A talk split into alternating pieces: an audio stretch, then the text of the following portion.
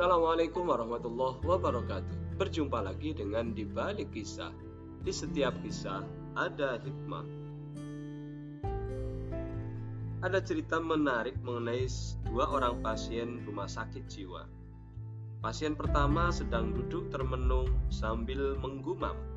Lulu, oh Lulu. Seorang pengunjung yang keheranan menanyakan masalah yang dihadapi orang-orang ini. Si dokter menjawab, orang ini jadi gila setelah cintanya ditolak oleh Lulu. Si pengunjung manggut-manggut.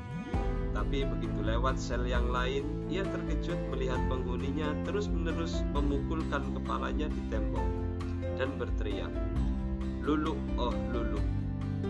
Orang ini juga punya masalah dengan Lulu. Tanyanya keheranan. Dokter kemudian menjawab, ya dialah yang akhirnya menikah.